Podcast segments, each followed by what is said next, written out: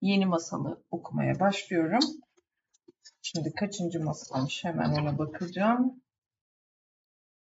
Bakalım bakalım. İsmi Baobab ağacının kalbi. 34. masal. Deniz bölümünün 34. masalı. Baobab ağacının kalbi.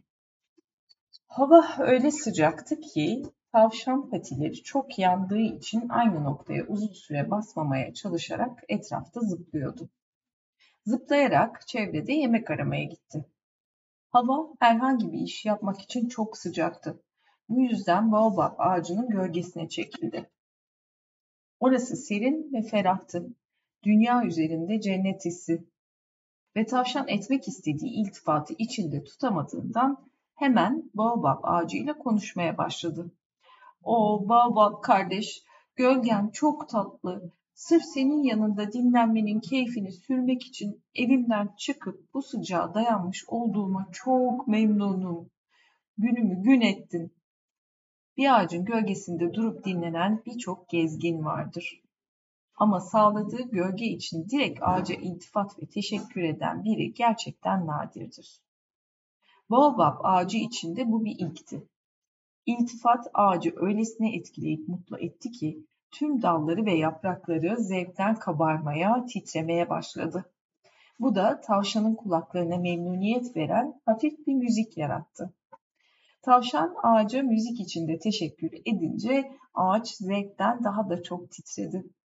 Ağacın memnuniyetini gören tavşan hemen başka neye yorum yapabileceğini görmek için etrafa biraz daha bakındı. Ve orada en yüksek dalda bir meyve gördü. Olgun ve sulu görünüyordu. Tavşan bir saniye bile kaybetmeden ağaca daha fazla iltifat yağdırmaya başladı.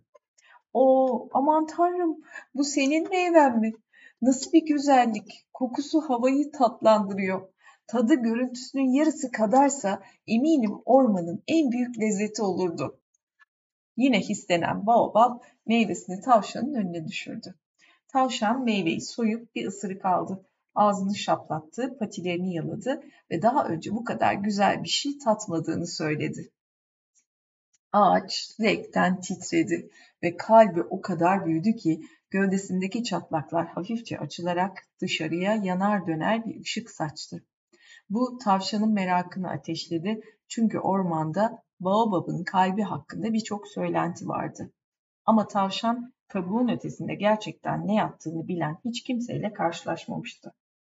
Böylece yeni arkadaşının kabuğunu okşayarak düşüncelere dalmış bir halde sevgili dostum altın ve pırlantadan bir kalbe sahip olduğun söylentileri doğru mu? Yoksa bazılarının iddia ettiği gibi sadece odundan bir kalbin mi var? Şimdiye dek bir ağaç olduğun için senin odundan bir kalbin olduğuna inanmıştım.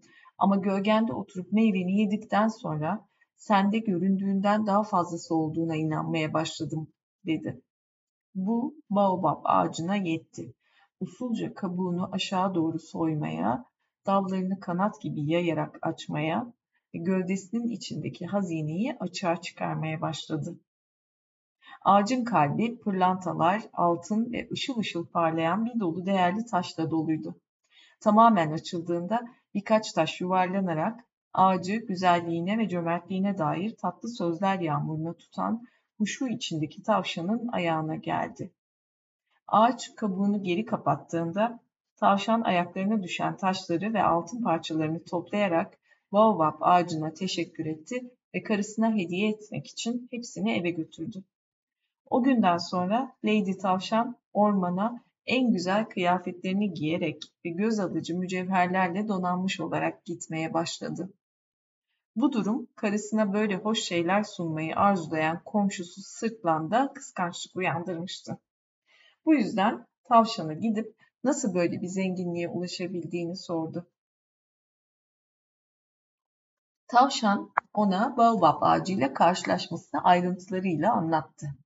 Sırttan hiç vakit kaybetmeden ağaca koştu ve tavşan ona ne söylediyse aynı şekilde tekrar etti. Oo baobab ağacı ne hoş bir gölgen var. Sahiden ferahlatıcı. Şimdi iltifat duymanın seni nasıl mutlu ettiğini göster bana. Ağaç biraz titrese de iltifatın tonu onu şüphelendirmişti. O titrer titremez sırtlan iyi programlanmış bir robot gibi konuşmasını sürdürdü. Hı, dallarınla yaptığın şu hoş müzik bir ağaç için hiç de fena değil yani. Sonra meyvesinin tadına bakmak istedi. Meyve ay ayağına düştü. Sırtlan onu yerden alıp dişledikten sonra hımm dedi. Bu tatlı gibi, biraz da kuru. Ayrıca şu bir sürü çekirdeğe baksana. Neyse canım, ben pek meyve insanı değilimdir. Gerçekten sevdiğim şey ağaçların kalplerini görmektir. İşte o tam bana göre. Neden açılıp içindekileri göstermiyorsun? Eminim ki onları da öbür şeylerin kadar, hatta daha da fazla beğenirim. Henüz birkaç gün önce tavşana açılmış olan ve onun keyfini, minnetini görmekten çok mutlu olan Baobab, yavaşça ve dikkatle kabuğunu aşağı doğru sıyırdı ve kalbini açığa çıkarmak için dallarını kanat gibi açarak gerdi. Altın ve pırlantaların ilk pırıltısı kendini gösterir göstermez sırtlan ağacın üzerine atlayıp dişleri ve pençeleriyle kalbi tırmalayıp çekiştirmeye başladı. Ver onu bana, hepsini istiyorum, o benim, hepsi, bana kalbini ver. Yaralanan baobab ağacı acı içinde sırtlanın burnunu kıstırarak kabuğunu kapadı. Sırtlan baobab ağacını korkudan titrer ve incinmiş bir halde geride bırakıp eli boş eve koştu. Ağacın yarası oradan geçenlerin gözüne görünmezdi. Hiçbir şey değişmemiş gibiydi. Ama görünmeyen yaralar genellikle iyileşmesi en uzun zaman alan yaralardır. Derler ki o günden beri Baobab bir daha asla içinde saklı olan hazineyi açığa çıkarmak için kalbini açmamış. Evet, masal bu kadar. Şimdi de masaldan sonraki küçük bölümler. Başlık, kalbini açmaya cüret et, bağışla, iyileş, güven. Senin kalbini hangi sırtlan yaraladı?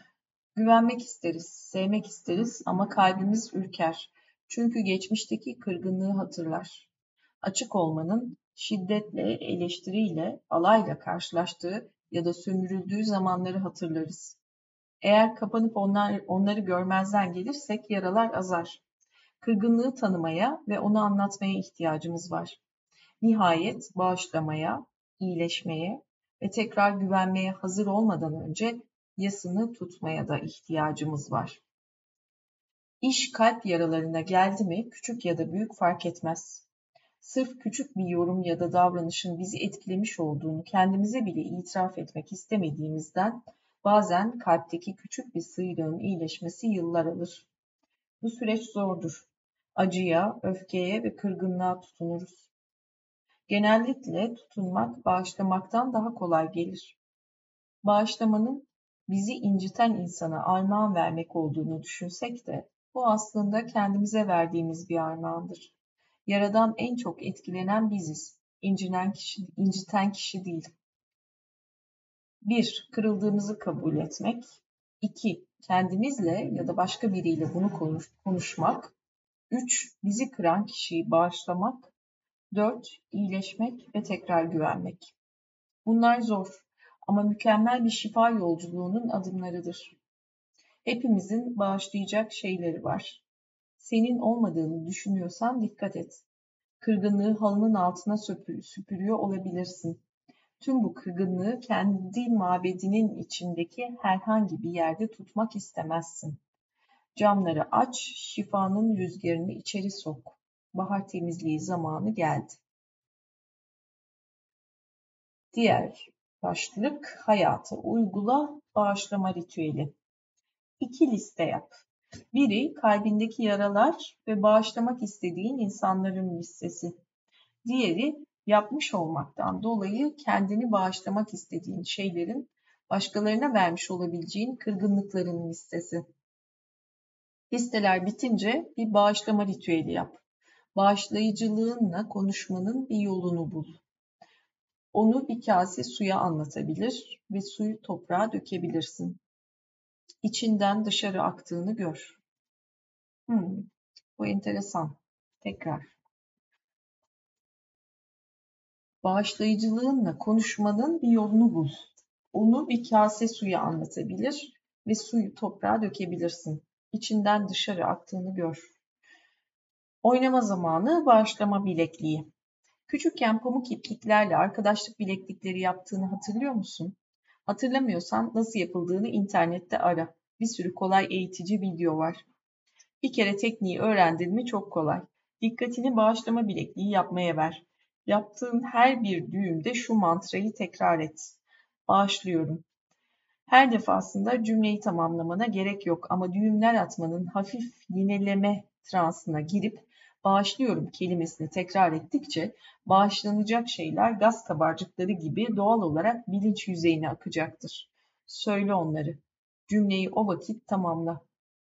Zihninin uygulamayı devralmasına ve kontrol etmeye çalışmasına izin verme. Bırak cümleler aklına bir fikir geliyormuş gibi doğal olarak oluşsun. Bitirdiğinde bak bakalım onu bağışladığın birine mi armağan etmek istiyorsun yoksa kendine saklamak mı? Bu da çok güzelmiş. Bağışlama bilekliği yapmak. Her düğümde başlıyorum diyerek aslında e, beynin farklı yerlerini açmak, duygulara kapı açmak. Son cümle bağışlamak bizi hafifletir. Aynı zamanda çevremize güvenmemize yardım eder ve dolayısıyla suyun bizi taşıyacağına güvenmemize de. Şimdi yüzmek daha kolaylaştığından başka bir masala doğru ilerliyoruz. Şimdilik nokta olsun.